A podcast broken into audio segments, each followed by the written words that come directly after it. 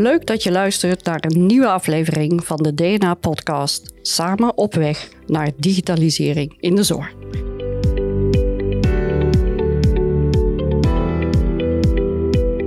Ik ben Anne Vrie, directeur van DNA. Ik ben reeds 30 jaar actief op het gebied van IT en digitalisering in de zorg. En jeetje, wat is er veel gebeurd in die 30 jaar.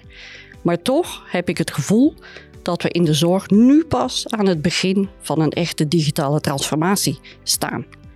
Vandaag ga ik in gesprek met Charles van Zwieten over die digitale transformatie in de zorg en wat er nodig is om daar een succes van te maken. Welkom Charles. Dankjewel Anne.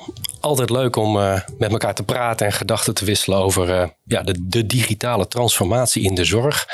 Termen die we al heel lang gebruiken met elkaar, um, maar waar echt heel veel werk te doen is. Dus um, dankjewel dat, uh, om hier te zijn. Um, ja, ik ben al een tijdje actief in de ICT. Ooit opgeleid als in Defensie als marineofficier. Maar daarna al snel de ICT eigenlijk ingewandeld. Maar pas recent, en ik zeg recent, tien jaar geleden ook met die ICT-kennis de zorg ingewandeld. En dat was uh, een goede set. En uh, nog iedere dag uh, vind ik het onwijs leuk om daarmee bezig te zijn. En wat maakt dat jij het zo leuk vindt om die kennis in de zorg met name toe te passen? Ja, dat is echt een combinatie. Dus een combinatie van technologie, dat zit op een of andere manier in je, in je bloed, zal ik maar zeggen. Uh, dat dat uh, altijd uh, ja, interessant is, weet, willen weten hoe dat werkt met, met al, die, al die oplossingen. Maar vooral ook de combinatie, met de relevante combinatie met de zorg. daar, daar is zo ontzettend veel winst te behalen om dat soort moderne, ja, moderne technologieën, om die toe te passen in de zorg. En volgens mij hebben we het ook keihard nodig met z'n allen. Ja, we krijgen toch het beeld dat het steeds harder nodig is. Hè? De tekorten op de arbeidsmarkt, de toenemende vraag in de zorg en digitalisering als één van de mogelijke antwoorden daarop. Wij hebben uh, samen met uh, een team van collega's een uh, visiedocument uitgebracht over digitalisering in de zorg. En daarin benoemen we dat we zien dat die digitalisering zich over de afgelopen jaren in een aantal golven heeft ontwikkeld. De eerste golf, met name het papierwerk of de, de röntgenfilms. Echt uh, digitalisering binnen die muren van die instelling. Met elektronische patiëntendossiers, elektronische cliëntendossiers. Een tweede golf waarin we steeds meer gegevens met elkaar gingen uitwisselen. En uiteindelijk als derde golf uh, meer de zorg zelf digitaal gaan leveren. Dat is afgelopen jaren zo een beetje gebeurd. Maar wat zie jij dat uh, er nu aan het gebeuren is en wat er de komende jaren moet gebeuren? Nou je, zei het net al, van wat er de afgelopen jaren is gebeurd. Maar ik heb het idee dat we nog midden in die drie golven zitten. Um, toen we natuurlijk met EPD's bezig waren, misschien wel twintig jaar geleden. Uh, toen dachten we, misschien een jaar of vijf uh, geleden, dachten van nou, dat is klaar alle zorginstellingen die zitten op een nieuwe EPD en op een ECD. En nou, we, zijn, uh, we kunnen over naar het volgende, namelijk uh, misschien wel gegevensuitwisseling. Maar niets blijkt minder waar, want die golf duurt eigenlijk nog steeds voort en krijgt steeds meer, ja, uh, steeds meer nadruk, vragen we erom. Want alleen van het papier af is niet genoeg. We moeten nu ook de, de, de, zorgprocessen waar we dagelijks mee werken, die moeten geoptimaliseerd worden. Dat kan sneller, dat kan beter. Daar hebben we natuurlijk die EPD's en ECD's voor nodig. Maar de vraag om dat beter te doen, die vraag wordt misschien alleen maar groter van die eerste golf van ECD's en EPD's. Um, ja, en als we kijken naar die gegevensuitwisseling, of wij noemen het eigenlijk liever samenwerken, delen en samenwerken. Dat net even een andere insteek. Maar daar hebben we heel veel moeite mee gehad de afgelopen jaren in, in de markt en met elkaar uh, om dat op gang te krijgen. Gelukkig komt dat nu echt op gang. Um, geholpen door, door de overheid met wat wetgeving. Uh, of wat wetgeving, dat klinkt klein, maar zo nou, bedoel ik het zeker. Dat was een flinke doorbraak. Dat was een hele grote doorbraak. Uh, en zijn nu uh, bijna alle zorginstellingen in Nederland, laat ik het maar eventjes extreem zeggen, maar zijn bezig met dat onderwerp voor gegevensuitwisseling of samenwerken en delen. En dat komt dus, dat, dat is nu echt op gang gekomen en daar zijn we veel van onze tijd uiteraard mee bezig. En die laatste golf, ja, laatste, maar er komen er vast nog veel meer. Maar dat digitale zorg of hybride zorg, zoals we dat tegenwoordig ook wel uh, misschien iets correcter noemen, uh, dat komt nu langzaam op gang. En ik vraag mezelf ook af waarom langzaam, want we hebben er zoveel behoefte aan. Maar het is wel een golf die nu uh, echt serieus goed op de agenda's gaat komen. Maar we hebben er een beetje moeite mee met z'n allen om dat goed goed volume te geven. Maar toch zijn er heel veel pilots in Nederland op het gebied van digitale zorg. Ja, um, ik hoorde iemand pas in een, in een, in een, in een blog of in een, in een post op LinkedIn dat uh, pilotitis noemen. Dus ik, bij deze heb ik dat uh, proudly copied. Um, pilotitis waarin we met z'n allen een beetje in die pilots blijven hangen. Uh, heel, heel, heel gek eigenlijk dat je een oplossing of een procesverandering die al lang bewezen is, technologie is goed. Het proces heeft al lang bewezen dat we daar voordelen aan behalen. Maar dat we toch voorzichtig een pilot gaan doen.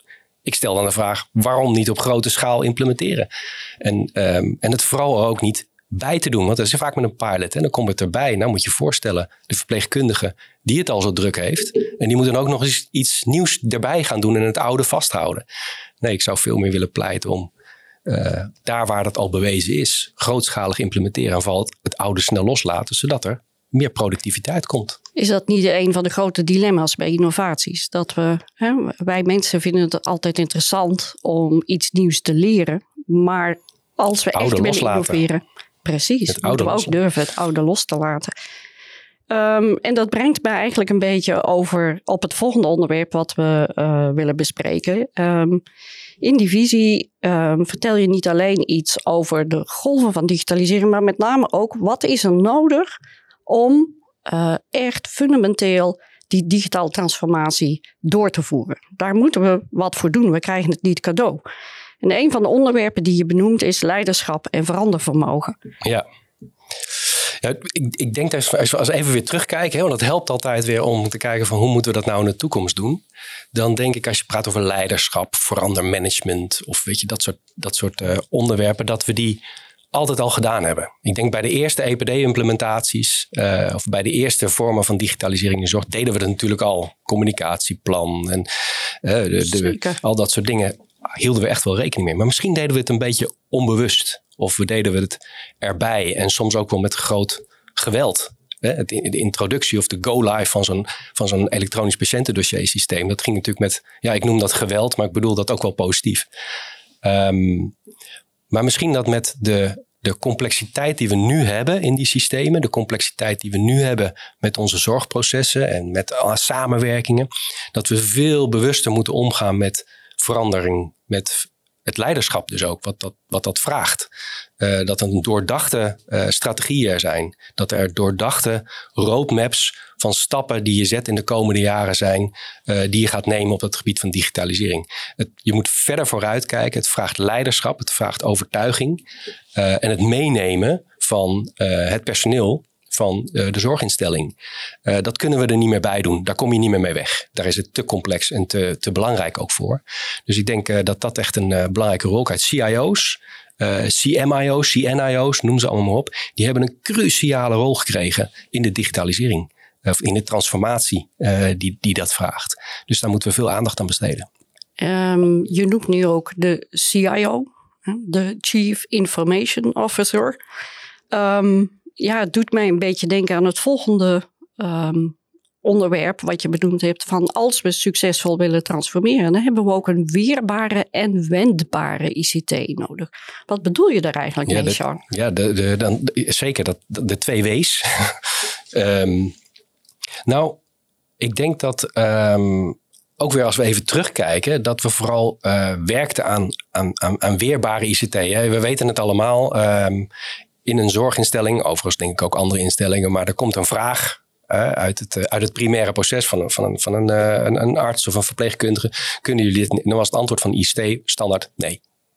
Geen tijd voor, moeilijk, willen we niet, past niet in de architectuur. we zijn met andere dingen bezig. Met andere woorden, ze waren natuurlijk bezig met hele goede dingen. Namelijk het stabiel krijgen van de primaire applicaties. Lees een EPD, een PAX, een LIS, een laboratoriuminformatiesysteem. Uh, want dat moest stabiel draaien. Want oh, als dat eruit vliegt, dan hadden we natuurlijk een probleem. Het netwerk moet stabiel draaien. Dus als je maar dat heel veilig maakt en robuust, dan ben je heel weerbaar. Zeker. Maar dan valt het ook niet om. Dus dat is, goed, dat is goed nieuws. Maar du moment dat er iets verandert en we zitten in een wereld waarbij iedere week iets verandert. Uh, en je wil, dan, dan lukt dus je moet ook wendbaar zijn. En die twee dingen bijten elkaar eigenlijk in eerste instantie. Maar dat is helemaal niet nodig. En dat zeg ik heel makkelijk, maar dat is helemaal niet makkelijk hoor. Maar dat je de ene kant robuuste en weerbare IT-omgevingen maakt. Daar moet je ook voor staan. Er moet, ook echt goed, goed aan, keihard aan gewerkt worden. Misschien een beetje de wereld van de IT-manager of de, ook, ook van de CIO. Maar aan de andere kant, middels agile werken, kortcyclisch werken, dat je toch met kleine stapjes continu die vernieuwing, die wendbaarheid weet te creëren, zonder grootschalige, watervalachtige projecten te doen, waar we met een groot team uh, misschien wel een half jaar aan werken om groots en meeslepend een nieuwe up update te doen. Ja, dat, dat, dat is eigenlijk niet meer van deze tijd, want dat is vooral niet, niet wendbaar. Dus de uitdaging is, wees weerbaar. Is al een job op zich, hè? Zeker. Maar wees ook wendbaar en wees kortcyclisch, agile werken. Toch iedere dag eigenlijk, ik zeg het een beetje overdreven, maar iedere dag die vernieuwingen in je, in je digitalisering voor elkaar te krijgen. Het brengt me ook een beetje, wij waren de, recent samen op de HIMS. De HIMS is een grote healthcare IT-congres, uh, uh, wat jaarlijks uh, in de States is. Um, na vier jaar, want door de coronajaren zijn er toch een flink aantal jaren uitgevallen uh, was het zeker interessant om even te kijken weer van, goh, wat zijn nou de grote thema's in uh, healthcare IT? En daar stond cybersecurity hoog op de agenda. En dat is natuurlijk een enorm belangrijk aspect van die weerbaarheid van de IT. Zeker, ja. Maar de wendbaarheid, waar je het net over hebt, hè, vereist dus juist een hele goede samenwerking tussen IT'ers en zorgprofessionals. Want juist in dat zorgproces hè, willen we kortcyclies die uh, verbeteringen aanbrengen. Hm. Een ander groot thema wat we zagen op de HIMS was dataplatformen. En dat hebben wij in het visiedocument ook benoemd als een heel belangrijk ondersteunend onderwerp, namelijk datagedreven werken. Wat, wat viel jou op in de HIMS als we het hebben over dataplatformen en datagedreven werken? Nou, eigenlijk. Um, ja, aan de ene kant wordt, het, wordt datagedreven werken al heel snel een een technisch verhaal. Want we hebben het over dataplatformen en, en datastructuren. En ja, dan zie ik toch wel veel mensen al zo'n beetje met hun ogen naar links en naar rechts uh, draaien. Toch zijn we er wel van overtuigd met z'n allen dat, um, dat, dat, dat data, ja, even een fijne one-liner, dat data de toekomst is. Dat je datacentrisch moet gaan kijken. Um, maar die platformen die komen uh, ontzettend uh, naar voren. omdat men wel van overtuigd is dat dat de, way to go is. Um, en dat je daar bovenop je functionaliteit gaat, gaat ontwikkelen. Dus dat het echt uit elkaar gaat. Um, nou, we zien dat ook wel misschien met richtingen die ingeslagen worden rond Open EHR. Ehm, maar dat, dat zijn wel de, de structuren waar we naartoe moeten. Maar het is, het is complexe materie. Hè? Dus, dus, dus het, het vraagt soms veel praten en uitleggen en uh, overleggen met elkaar om uh, dat goed te doorgronden. Ja, eigenlijk wat men zo mooi noemt het scheiden van data en applicaties. Precies. Daar, daar doel je op. Ja, en met de grote, uh, de, ja, de, de, de grote EPD's en ECD's waar we mee te maken hebben, ja, is dat nog niet zo eenvoudig gedaan natuurlijk. Want ja, die zijn op een bepaalde manier ontworpen, die hebben een bepaalde architectuur, waarbij die scheiding nou, uh, niet vanzelfsprekend is. Dus daar, daar zit misschien wel iets, misschien niet volgend jaar. Nou, uh, daar, laat ik zeggen, op de langere termijn zit daar wel degelijk iets aan te komen. Waar we heel veel mooie dingen van kunnen verwachten ook weer zo'n mooi nieuw buzzword in de zorg. Hè? Databeschikbaarheid. Ja. Maar feitelijk eenvoudig uitgelegd.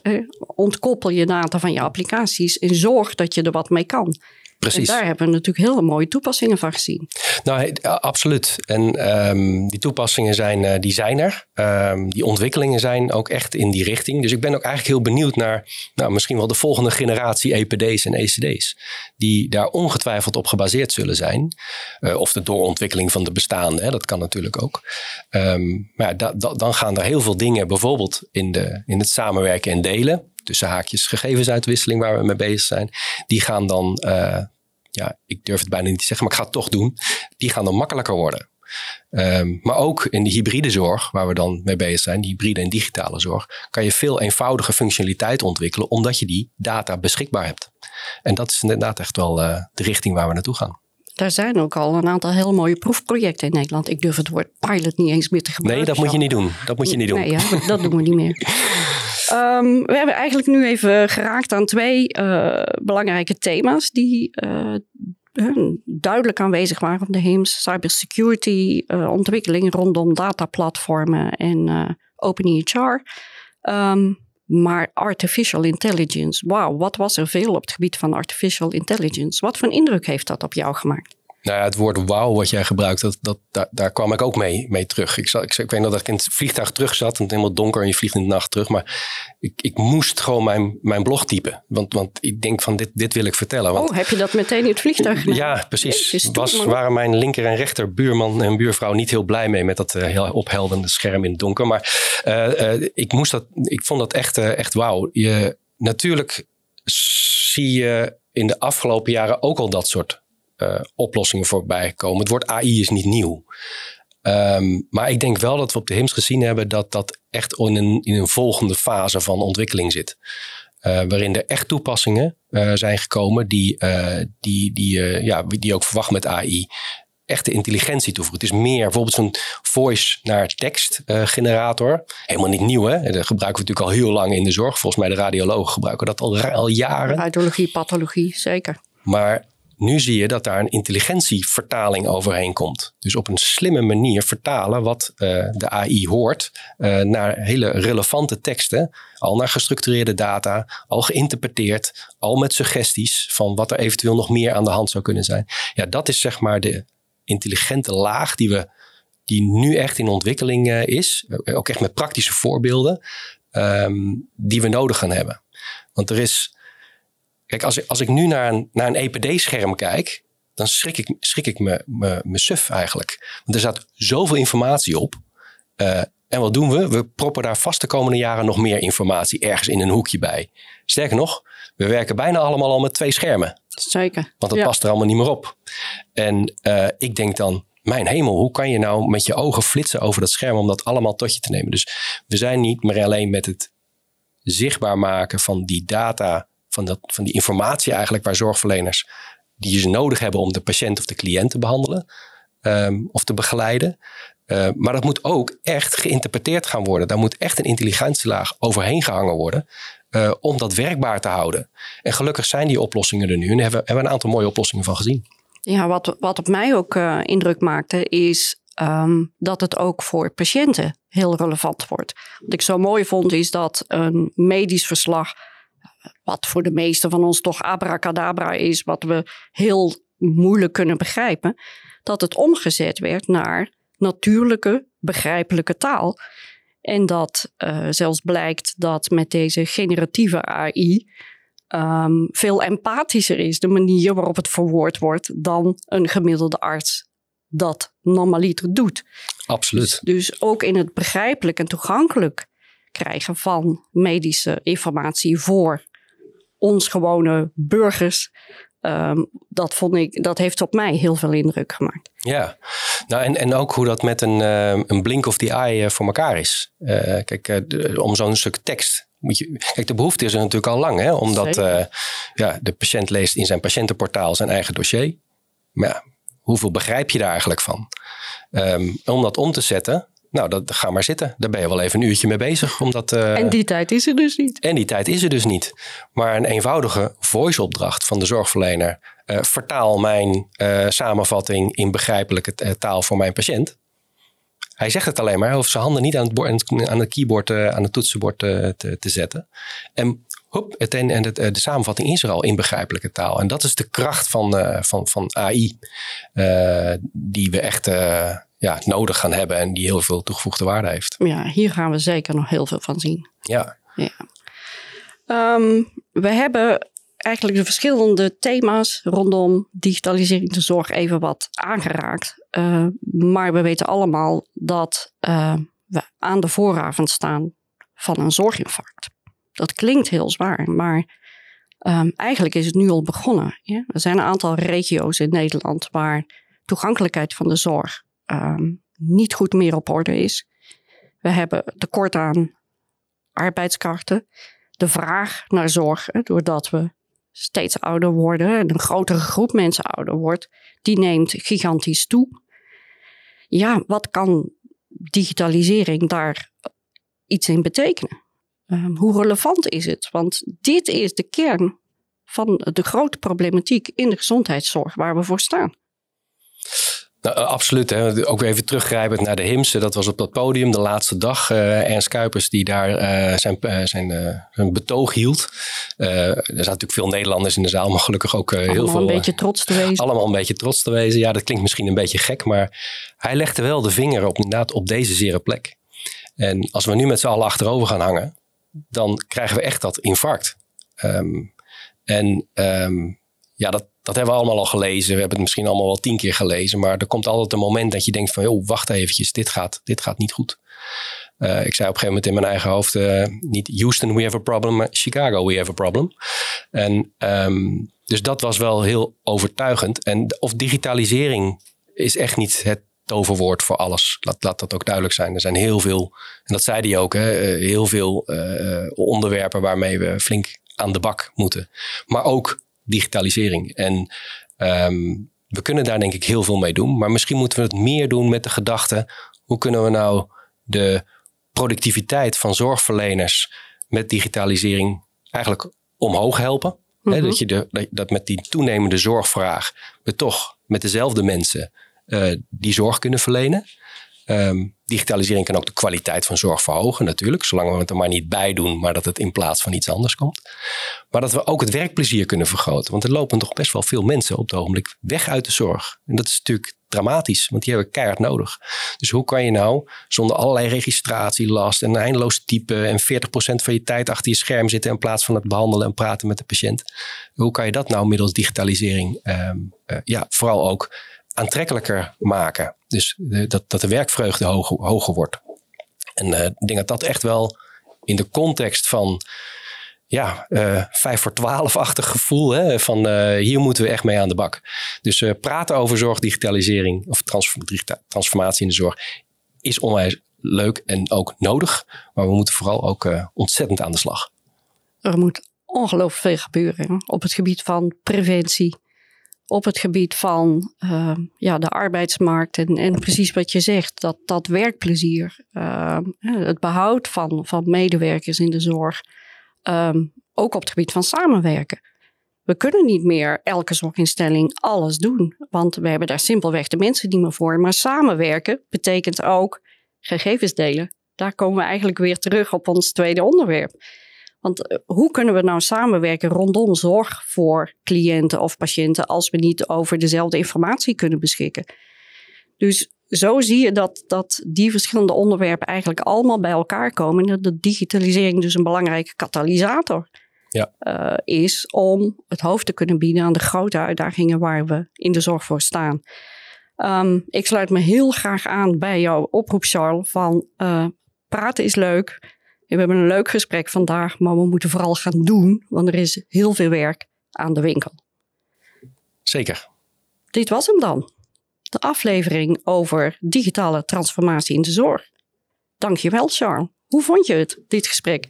Nou, ik vond het leuk. Ik uh, vind het altijd leuk om over digitale transformatie in de zorg te, zorg te praten. En, uh, want dat is uiteindelijk uh, waar we s ochtends de wekker voor zetten om dat voor elkaar te krijgen. Er zit hoge druk op. Um, het verhaal van, van Ernst Kuipers, maar ook gewoon dat we ons realiseren. We hebben een hoop werk te doen. Dus Anne, laten we vooral um, aan de slag gaan. Dat gaan we doen. Dankjewel.